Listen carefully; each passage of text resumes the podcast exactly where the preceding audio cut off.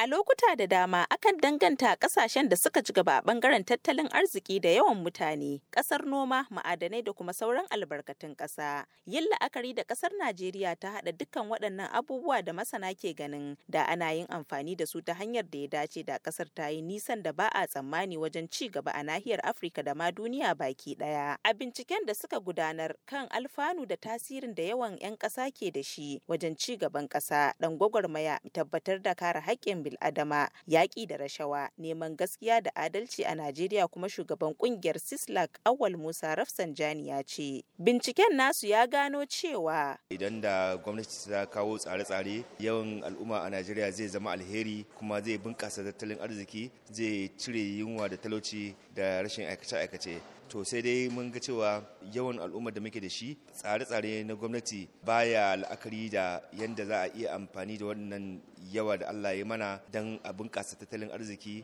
a cire talauci a cire yunwa. Al'umma ta zamanto al'umma ce kyakkyawa wacce ba ana amfani da ita ne kawai don ringimu na addini ko na kabilanci ko na siyasa ba ko kuma ma yadda ake barin yara musamman ana hana su zuwa makaranta saboda talauci ko kuma wasu da dama za a ga cewa suna nan akan hanya suna yawo a shekara biyar kaga yaro ina yawo ina ta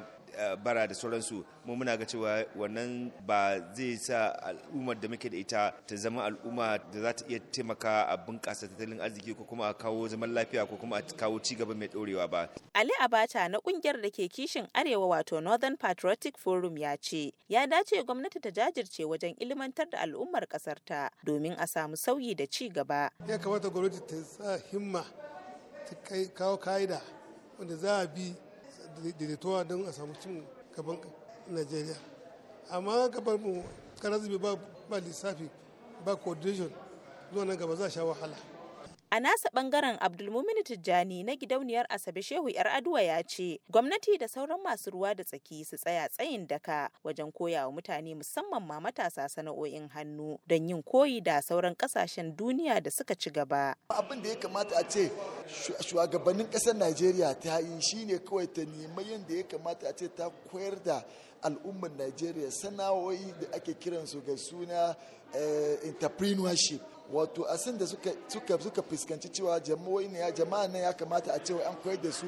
da wayannan fuskokin. Ina tabbatar maka cewa Najeriya za ta zama to guri mai kyau guri mai amfani gurin da ya kamata a cewa kowa ma ya zo. Saboda in aka ce akwai sana'o'i iri-iri da aka ce al'ummar Najeriya sun koya kuma suka ci gaba da amfani da shi za ta bunƙasa tattalin ƙasar arzikin Najeriya ta hanyoyi daban-daban.